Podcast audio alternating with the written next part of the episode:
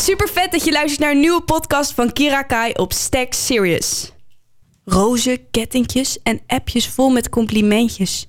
Nu een vies bed in een kamer met afgetapte ramen. Begripvol, teder en lief. Nu hardhandig en agressief. Er staat weer een andere man voor me. Ik probeer zijn blik zoveel mogelijk te vermijden. Zijn ogen stralen alleen maar het dierlijke instinct uit. Ik wil seks, seks en nog meer seks. De ruzies met mijn ouders die me probeerden te beschermen voor mijn prins op het witte paard waar zij het ware duistere monster al in zagen. 15 à 15 minuten wil ik door de aardbodem zakken, verdwijnen van de man, de man die mij niet loslaat, die met zijn vingers mijn lichaam vasthoudt in een greep waar ik niet uit kan ontsnappen. Het niet willen horen, want hij houdt van mij, alleen van mij. En dat is wat hij dag en nacht zei. En nu praat ik ook dag en nacht, maar met andere mannen die niet willen horen dat ik van ze hou, maar alleen maar smerige dingen willen horen. Stilte. Het signaal dat de man klaar was. Klaar was gekomen. Zijn lust was voor even gestild. Hij raapte zijn kleren op, pakte zijn harige, gerimpelde lichaam met zijn bierbuik weer in. De pijn en de verdriet waarvoor mannen geld neerleggen. Die in mijn verloren prins op het witte paard financieren om de volgende onschuldige meid van binnen om te brengen. Toen hij binnenkwam, was ik alles wat het dierlijke instinct zag. En nu, nu het mens in de man is teruggekeerd, is het pure schaamte en gunt hij mij geen blik meer. De loverboy. Het begrip waar veel meisjes al vroeg worden over ingelicht. Ik vind het heftig en zeker iets waar wij het over moeten hebben. Deze podcast staat daarom in het teken van loverboys. Stack Serious. Als eerste wil ik je heel erg bedanken. En punt twee zou ik graag willen vragen of je jezelf zou kunnen voorstellen. En uh, hoe kwam jij in aanraking met het onderwerp Loverboys? Oké, okay. ik ben Mohini. Uh, ik werk als ambulant hulpverlener. En ik ben zelf ervaringsdeskundige. Dus ik heb te maken gehad met het onderwerp omdat ik zelf slachtoffer ben geweest. Van een loverboy? Ja. En zou je misschien in het, in het kort kunnen vertellen uh, wat jouw verhaal is uh, met een loverboy? Ja, uh, in mijn geval, ja, ik heb een relatie gehad met een loverboy. Ja? En mijn ervaring daarmee was dat in het begin gewoon een normaal relatie was. Um, wij kunnen heel goed doen alsof, nou ja, ze zijn gewoon sociaal heel erg sterk. En ze kunnen uh, dat zodanig inzetten dat men gewoon niet doorheeft dat ze een spelletje met je spelen. Dus zijn echt wel supersterren in manipuleren. Betekent ook dat ik ook door hen heb geleerd om heel goed te manipuleren. Hè? Dat is ook wel de andere kant. En wat, en wat, voor, op wat voor manier manipuleren zij uh, jonge meisjes dan? Nou, vaak denken mensen dat het te maken heeft met cadeautjes. Hè? Of dat het komt door een bepaalde ja. aandacht. Het komt ook door een bepaalde aandacht. Maar zij geven aandacht op het juiste uh, punt. Ze geven aandacht op de kwetsbaarheid. Vaak zie je dat vooral jongeren van 14 tot 16 jaar, hè, ontwikkelingspsychologie zegt dat ook, uh, dat je dan je brein een bepaalde stofje losmaakt zodat je lekker kan experimenteren. Mm -hmm. Nou, dat betekent dat je al sowieso kwetsbaar bent voor bepaalde invloeden. Uh, als je daarnaast ook nog een slechte thuissituatie hebt gehad, of je, hebt, je wordt veel gepest op school, of je zit niet lekker in je vel, of whatever, Um, dat is eigenlijk gewoon voert voor deze jongen. Ja. Deze jongens gebruiken dat en daarvan uh, krijgen zij macht over jou. Want ze spelen gewoon een spel. En even terug naar jouw verhaal. Want jij was dus verliefd op een loverboy en hij heeft jou gemanipuleerd uh, op een of andere wijze. Vertel door, hoe ging dat precies?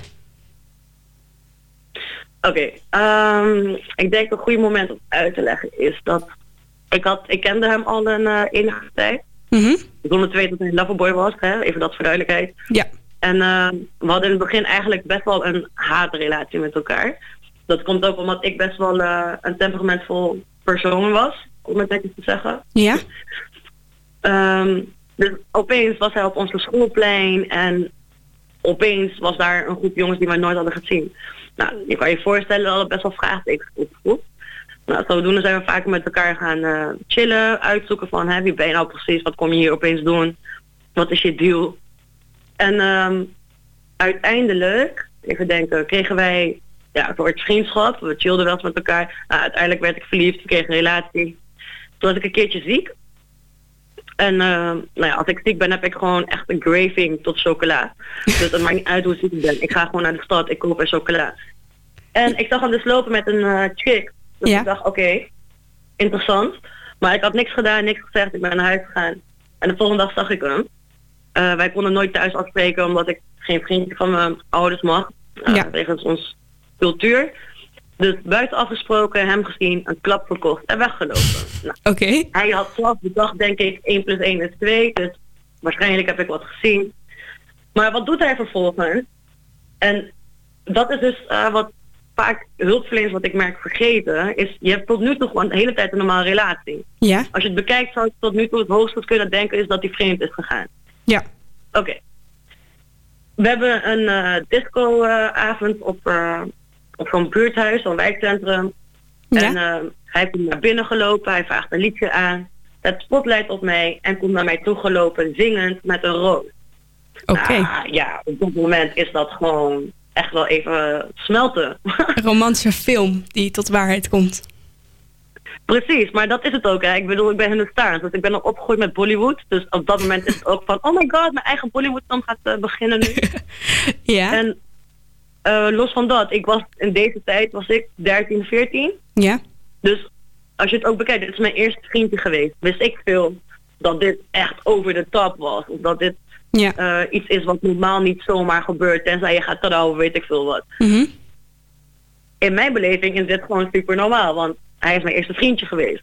En hij heeft me altijd, althans met dit soort dingen, eh, heeft hij me elke keer weten te verleiden en terug kunnen eh, trekken. Dus dit was zeg maar de manier waarop hij jou manipuleerde. Dus niet in de zin van cadeautjes, maar dus in de zin van een droombeeld van de ware man te creëren. Hij was niet alleen de jongen van mijn dromen, zo van, oh echt eh Bollywood-achtig, tuurlijk, dat was hij ook. Ja.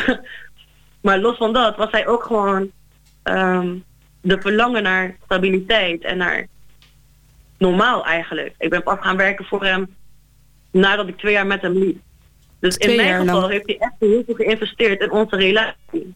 En denk je dat ehm, deze jongen ook andere meisjes, eh, tijdens dat jullie een relatie hadden van twee jaar lang, eh, ook andere meisjes, zeg maar, eh, als ehm, loverboy slachtoffers heeft eh, gemaakt eigenlijk? Of denk je dat hij- jij de enige was waar hij echt zijn tijd twee jaar lang ingestopt heeft? Nee, nee, sowieso niet. Deze man denkt alleen geld, hè? Dus Ik eh, geloof echt dat mijn loverboy in ieder geval op dat moment niet denkt aan dat dat iemand zijn stukje kan zijn of iemand zijn moeder of iemand whatever. Hij denkt gewoon op dat moment alleen aan geld.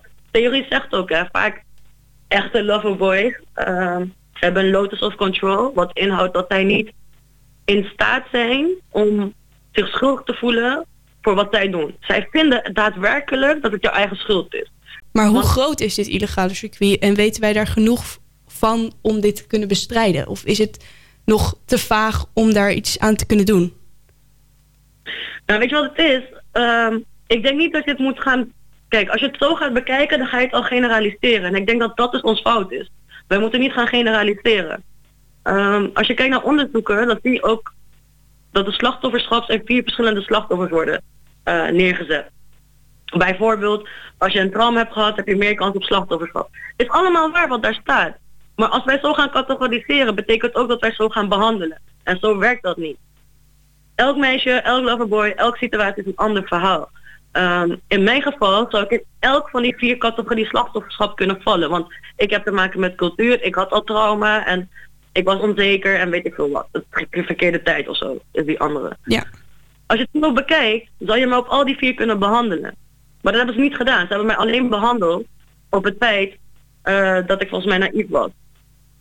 Maar Dus is het dan niet ook beter om... Ze, ze willen dan jou heel erg behandelen. Dat lijkt mij ook een goed idee. Maar is het niet beter om juist die eh, loverboys te behandelen? Want die gaan zo ver eh, dat ze voor geld meiden gewoon in de mensenhandel zetten.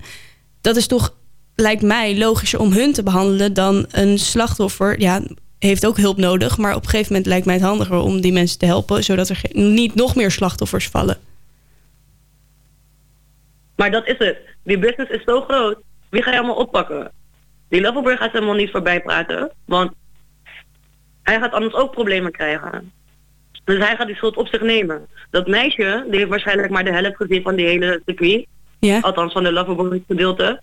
Dus die kan ook niet alle namen opleveren. Plus, kijk, ehm, je moet het zo zien. Het is een visuele cirkel. Laat me het zo even uitleggen. Ja. Hij maakt het slachtoffer, toch? Oké. Mhm. Niemand weet daarover totdat het slachtoffer gaat praten. Oké. Maar als het slachtoffer gaat praten, dan wordt zij gepakt. Dus ze gaat niet praten, want ze is bang. Ze loopt gevaar. Of ze is nog verliefd. Of nog erger, ze weet niet eens meer wie zij is omdat ze zo lang een slachtoffer is geweest. Dus niemand kan hem pakken. Als je geluk hebt dat zij het wel weet, doet wel aangifte en hij is wel gepakt, is het nog steeds niet veilig, want er komt weer een ander loverboy haar overnemen. Ja. Dus dan gaat ze weer niet praten. Dus Daarnaast, stel je voor als je wel alle loverboys hebt gepakt, Mhm. er is een of andere wondermiddel uitgekomen om ehm sociopathologen te helpen, mhm. dan zou ik dat echt verantwoordelijk vinden, want tot nu toe is daar nog niks voor echt gevonden. Behalve dan eh, hele lange therapie, jarenlange behandeling. Vaak zie je ook dat bijvoorbeeld mensen dan die, die wel gepakt zijn voor illegaal mensenhandel, die geen berouw hebben, ook in de TBS-kliniek zitten. ja. Omdat het is heel moeilijk om deze mensen te vertrouwen. Nu zeg ik niet dat je iedereen in een TBS-kliniek moet zitten, want ik weet niet of ik daar helemaal mee eens ben. Mhm. Maar ik denk dus wel dat je per persoon moet gaan kijken. Dus als je een loverboy op het, als een slachtoffer aangifte heeft gedaan, die loverboy komt daar. Dan vind ik dat je maatwerk moet leveren naar hem. En niet alleen naar eh, de daadwerkelijke straf. Snap je wat ik bedoel? Ja, want je zei net ook van ehm, dat bijvoorbeeld een loverboy, eh, als hij wordt opgepakt, zal hij nooit gaan praten, omdat hij eh, ook eh, bedreigd wordt of in ieder geval in gevaar zit door de bazen boven hem. Maar is dat echt een gevaar of is het alleen maar bedreigen of is er serieus een, een, een, zijn ze serieus in staat om bijvoorbeeld je moeder, je vader, je zusje, een ander familielid iets aan te doen of vrienden? Nou kijk, mijn loverboy heeft dat wel gedaan bij mij. Zeggen. Hij heeft mij heel lang bedreigd en zo met mijn vrienden. Ik heb ook gezien bepaalde dingen wat hij heeft gedaan. Ik heb ook gezien wat hij andere mensen liet doen voor hem. Ja? Dus ik geloofde ook echt wel dat hij bepaalde dingen zou kunnen doen. De baas boven hem, het is niet dat hij hem zou straffen. Want als jij bent gepakt, dan ben je niks meer waard. Dus eigenlijk eh, zeg je van loverboys zijn dus eigenlijk bang om te verliezen waar ze mee bezig zijn. Omdat ze zo snel geld kunnen maken? Omdat ze zo snel geld kunnen maken, maar omdat ze ook status krijgen. Ze hebben een bepaalde macht. Hè. Ik bedoel, eh, ze zitten niet alleen in de prostitutie, ze zitten ook vaak in een drugswereld of in een wapenhandel. Ja. Ze hebben vaak meerdere werelden waar ze actief in zijn. Maar als we nou even gaan kijken naar de klanten van deze pooiers, dus deze loverboys, eh, die dan dus met minderjarige meisjes seks hebben, is dat eigenlijk ook strafbaar? Of kunnen deze mannen of vrouwen hiermee wegkomen? Het is strafbaar, maar ze komen er wel mee weg. Omdat 9 van de 10 keer weten ze niet precies wie de klanten zijn. Kijk, ik ben niet op hete daad betrapt bijvoorbeeld. Dus de agenten weten niet wie allemaal mijn klanten waren. Ja. bijvoorbeeld. Daarnaast ben ik wel minderjarig, dus sowieso zijn ze strafbaar. Ehm, ik denk ook, als, zolang er vraag is, is er ook aanbod. Hè? Ja. Ik denk dat daar bijvoorbeeld ook heel veel nog te doen moet zijn. Want je zal niet geloven hoeveel mensen in pak gewoon ehm, klanten kunnen zijn. Maar hoe krijg je het dan toch voor elkaar om zo'n meisje die dan eh, slachtoffer is geweest van een loverboy, eh, weer in de maatschappij te laten meedraaien? Ja, kijk, en dat is dus iets waar elke hulpverlener een be- een beetje mee vecht, denk ik. Eh, vorig jaar is ook naar buiten gekomen dat de meeste slachtoffers nu 13 jaar zijn. En dat is Ja. heftig, dat is echt heel Ja. heftig. Het is heel vervelend eh, van een loverboy, is dat er dan al vaak zodanig in zijn band zijn dat ze ook niet over praten en zo. Dus het is heel lang ook nog undercover. Ja. Dit zorgt ervoor dat dit soort meisjes, wanneer ze pas bij de hulpverlening terechtkomen, al zo verhard zijn, zo veranderd zijn, dat je niet eens bezig moet zijn met hun hulpverlenen of terugbrengen in de maatschappij. Op dat moment moet je gewoon, denk ik, de tijd stilzetten. Ehm, in mijn geval, wat mij heeft geholpen om in mijn kracht te komen, kijk, ik ben wel bij hem gevlucht. Maar na mijn jeugdperiode, na mijn ehm, periode dat ik ben gevlucht en zo, had ik ook weer een terugval. Ik kwam bij een jongen terecht die mij ook mishandelde en mij eh, misbruikte. Ja. En dat kwam omdat ik was gevlucht. Ik ben niet vanuit mijn kracht weggegaan. Ik heb niet de juiste behandeling of de juiste hulp gehad om te zijn wie ik ben, laat maar zeggen. Of door te hebben dat ik meer waardig ben. Mhm. Want je bent al die tijd behandeld als stront. Dus je gaat je ook zo voelen, ook al denk je dat je dat niet voelt. Ja.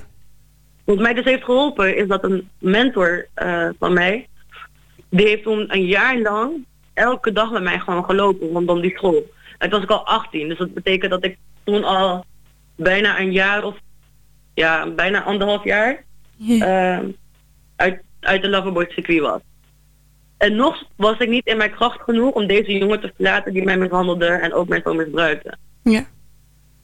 En eh, elk, hij heeft dus elke dag met mij gelopen. Soms ging wij praten, soms niet. En dat hielp mij zo erg, want daardoor kon ik echt gewoon nadenken. Ik kon echt gewoon stilstaan.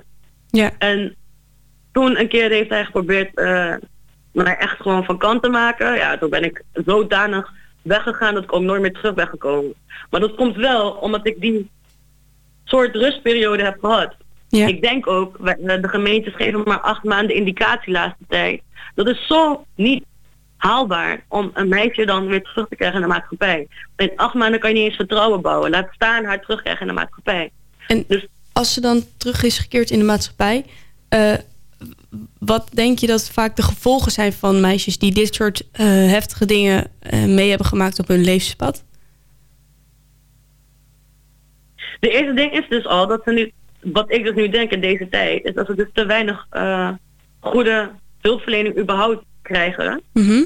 althans de goede hulpverlening krijgen op maat werden. Kijk, bijvoorbeeld, wat je nu heel vaak ziet, daarom zei ik ook, hè, dat daar moet je ook zo kijken naar de loverboys of naar dat meisje of naar het verhaal. Wat je nu vaak ziet is ook dat, eh, oké, je bent een loverboy verleden, oké, dan gaan we deze behandeling bij jou doen. Dat past bij jou.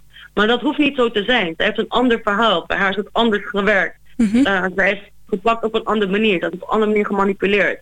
En dat geldt ook voor de behandeling van het meisje wanneer ze terug moet komen in de maatschappij. Als die behandeling dus niet zodanig is gemaakt op maatwerk en niet met heel veel geduld en met heel veel tijd, dan kan zij ook, dan gaat zij sowieso nog vaak moeten vallen. Want ze heeft nog steeds niet geleerd om, uh, om patronen te herkennen. Kijk, waarom ben je voor een loverboy gevallen? Wat is jouw kwetsbaarheid? Ja. 9 van de 10 keer denken mensen, oh jij hebt problemen thuis. Ja, oké, we gaan jou behandelen, want jij bent uit huis geplaatst. En dan ehm, kan jij ermee dealen. Mhm. Terwijl ik juist heel erg voorstander ben van nee, los het, in los het ook in het systeem op. Ja. Want als ik straks thuis kom en mijn ouders hebben niks geleerd, dan heb ik nog steeds hetzelfde probleem. Mhm. En ik ben nog steeds kind van mijn ouders. Mijn ouders doen dat ook niet met plezier of zo. Zij willen ook mij terug in huis. Dus we kunnen net gewoon met z'n allen eraan werken, zodat het opgelost wordt.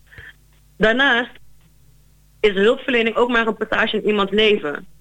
En vaak zie je door de werkdruk en eh, de tijdsdruk dat we dan een beetje een soort van robot gaan leven. Hè? Dat ze gewoon gaan doen wat ze moeten doen. Ze, ze moeten snel, want ze hebben maar een indicatie van acht maanden.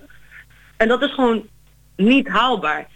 Wat ik doe met mijn jongeren bijvoorbeeld, is dat ik met hun uh, ook geen vertrouwensband probeer op te bouwen. Natuurlijk probeer ik dat wel. Maar ik begin in eerste instantie vanuit respect. En dat is ook wat ik tegen hen zeg. Ik ga nooit met jou een vertrouwensband kunnen opbouwen nu. Maar ik respecteer jou wel. Ja. Ik hoop dat je mij ook zodanig respecteert, dan kan ik jou een beetje gaan helpen. Wat ook helpt is voor in mijn geval is praktijk. Ik uh, geef heel veel praktische hulp ook, waardoor ze snel resultaten zien. En daardoor krijgen ze ook een beetje vertrouwen van oké, okay, oké, okay, ze meent het wel echt met. En wat voor praktische hulp? En daardoor kan ik bij die verhaal komen en kan ik echt dingen gaan doen en kan ik patronen herkennen en met hen meekijken. Maar wat ik ook doe. Maar wat voor praktische hulp bedoel je dan? heel lang met hen doorlopen. Ook als het traject afgelopen, okay. ben ik er nog steeds. En het is niet zo dat we elke dag dan bellen of elke dag appen of zo. Ik bedoel, ze hebben ook een eigen leven. Ja. En ik ook. Ik bedoel, ik ga ook feesten en zo. Daar heb ik ook echt geen zin in jongeren. Maar wat ze wel doen okay. is uh, één keer in een jaar of zo, als we geslaagd zijn, krijg ik een bericht van hé hey, ik heb een diploma, het is gelukt. Of ik heb nu een baan of ik heb een huis. Het zijn leuke berichten, weet je. Je krijgt zo wel mee dat het goed gaat. Maar ook als het niet goed gaat. Of als zij denken, nee, ik heb een relatie, maar hij neemt mij mee uit eten. Ik weet niet of dit goed is. Dan kan ik ook met hen praten om dat te normaliseren. En om te kijken van, hé, hey, hoe komt het dat je nog steeds deze wantrouwen hebt en zo. Want denk je ook dat uh, uh, meisjes uh, die bijvoorbeeld slachtoffer zijn geworden, dat die ook nooit meer eigenlijk in hun leven echt een man zullen vertrouwen? Of andere meisjes, want ik heb ook gelezen over lovergirls. Dat zijn dus meisjes die andere meisjes ronselen voor loverboys. Maar denk je dat het dus dat het, het, het heel lastig wordt om mensen in je omgeving te kunnen vertrouwen nog in deze samenleving? Het wordt lastig, maar het is niet onmogelijk. Op gebied van eh, niet alleen in vertrouwen, maar ook eh, als meiden dus dat hebben meegemaakt, is het dan vaak zo dat ze echt bang zijn voor seksuele handelingen? Of vallen ze juist heel snel weer terug in dat extreme dat ze zelf vrijwillig ook hoer worden? Nou, dat is dus verschillend. Ja. En dat, dat- kijk, dat bedoel ik dus met het generaliseren. Dit wordt dus heel lastig, want het is niet allebei kan. Maar het kan ook allebei niet. Ja. Dus het, het, Het is niet eh, standaard dat als je slachtoffer bent. Tuurlijk, het is wel zo dat als je, slacht, als je al seksueel misbruik hebt meegemaakt, dat de kans op herhaling vergroot. Dat zegt onderzoek ook. Dat is, de, ja, dat is een van de potenties om nog een keer slachtofferschap te- in te gaan. en hoe kan dat, dan? Maar dat wil niet zeggen dat dat echt gebeurt. Dat wil niet zeggen dat elk meisje die slachtoffer is geweest, opnieuw slachtoffer is geworden. In mijn geval ben ik opnieuw slachtoffer geworden, maar niet van een loverboy. Maar wel, ik ben wel weer mishandeld. Dus ik ben wel weer onveiligheid gekomen. Maar hoe is dat dan mogelijk dat, dat die meiden of jongens of whatever juist weer terugvallen in nog meer van zulke ellendige situaties? Oké. Mm, hoe ga ik dit makkelijk uitleggen? Oké, je, als je opgegroeid bent in een normale situatie, waar alles gewoon koek en ei is, Mhm. dan weet je dat. Als je opgegroeid bent met alleen maar overleven, Ja, dan weet je, dan weet je dat weet je niks eh, sorry, dan weet je ook niet beter. ja, Het normale leven is dan ook best wel eng. En het kan zijn dat je het probeert, maar als jij niet bent geholpen op die patronen, Mhm. eh, dan betekent het ook dat je niet alle onveiligheid nog door hebt. Het kan ook zijn dat je nog steeds een bepaalde naïviteit hebt. Kijk, in mijn geval, deze jongen die woonde ook op zichzelf, die kon niet koken, dat soort dingen. Ik vond hem ook gewoon best wel eh, zielig. In die zin van, ik, ben, ik heb ook niemand, hij heeft ook niemand. Ja, maar ja, ja, zielig. Aan de andere kant, in mijn gemeenschap weet ik ook dat het vaker voorkomt dat mannen vrouwen slaan. Dus ergens in mijn hoofd is dat ook genormaliseerd. ja, En daarom, dat bedoel ik. Ik kan het niet generaliseren dat het bij iedereen gebeurt. Omdat in mijn geval is het gebeurd door een bepaalde ehm, beeld wat ik heb meegekregen in mijn socialisatieproces. Dus eigenlijk moet er meer gekeken worden naar de persoon zelf, hoe die eh, werkt. Want iedereen werkt natuurlijk anders. En eh, heeft het ook veel te maken met wat jouw eh, beeld is van het leven, zeg maar. En wat jij gewend bent. Dat heeft dus veel effecten. Natuurlijk, het is als een computer. Als je, als je een virus hebt op de computer, alles zit vast. Alles is helemaal over de, over de overstuurd. Ja. De computer denkt gewoon, ja, bekijk het maar, ik ga niks meer doen. Jij hebt het opgefokt. en zo is dat ook bij haar, in haar hoofd, in haar hersenen. Dat is haar beeld, of zijn beeld. En dan, Je moet het opnieuw gaan programmeren om weer duidelijk te maken van, deze virus moet eruit. ja, En dat is niet opgelost door alleen maar de virus weg te halen. Misschien moet je bepaalde programma's ook weer opnieuw programmeren, moet je verwijderen, weet ik veel wat. Ja, zo is dat ook met het brein, en denk ik. Dit is natuurlijk allemaal best wel heftig en zwaar en zo. Maar even iets anders. Wat denk je dat we er volgens jou aan kunnen doen... zodat dit veel minder wordt... of in ieder geval veel beter wordt eh, bij het verwerkingsproces? Het liefst natuurlijk helemaal vermeden, maar... wat is jouw idee daarover? Uh, bij het verwerkingsproces. Nou, zoals ik al zei, sowieso vind ik dat de hulpverlening meer op maatwerk moet eh, gaan zitten. Ja? Ik d- vind het, het is de laatste tijd wat meer in het nieuws en dat vind ik super nice. Want dat betekent dat we weer opnieuw daarna gaan kijken. Mhm. En dat vind ik wel nice, want ik merk dat het... Het is een iets wat elke keer weer omhoog komt, dan weer wegzakt, dan weer omhoog komt. Ja, En dat vind ik jammer, want wat we nu doen werkt gewoon totaal niet. oké. En eh, het komt ook elke keer weer terug in het nieuws. Hè? Ik bedoel, eh, in 2018 is zoveel dingen gekomen over Loverboys dat ik denk van ja, dit, dit werkt gewoon niet. Dus we moeten echt iets anders gaan doen. Maar wat dan wel, is een hele goede vraag. Ik vond het eigenlijk een heel mooi gesprek, maar ook best heftig. Dus eigenlijk wil ik je heel erg bedanken. En ook de luisteraar, heel erg bedankt voor het luisteren. Dit was Kira Kai op Stack Serious. Tot de volgende keer. Stack Serious.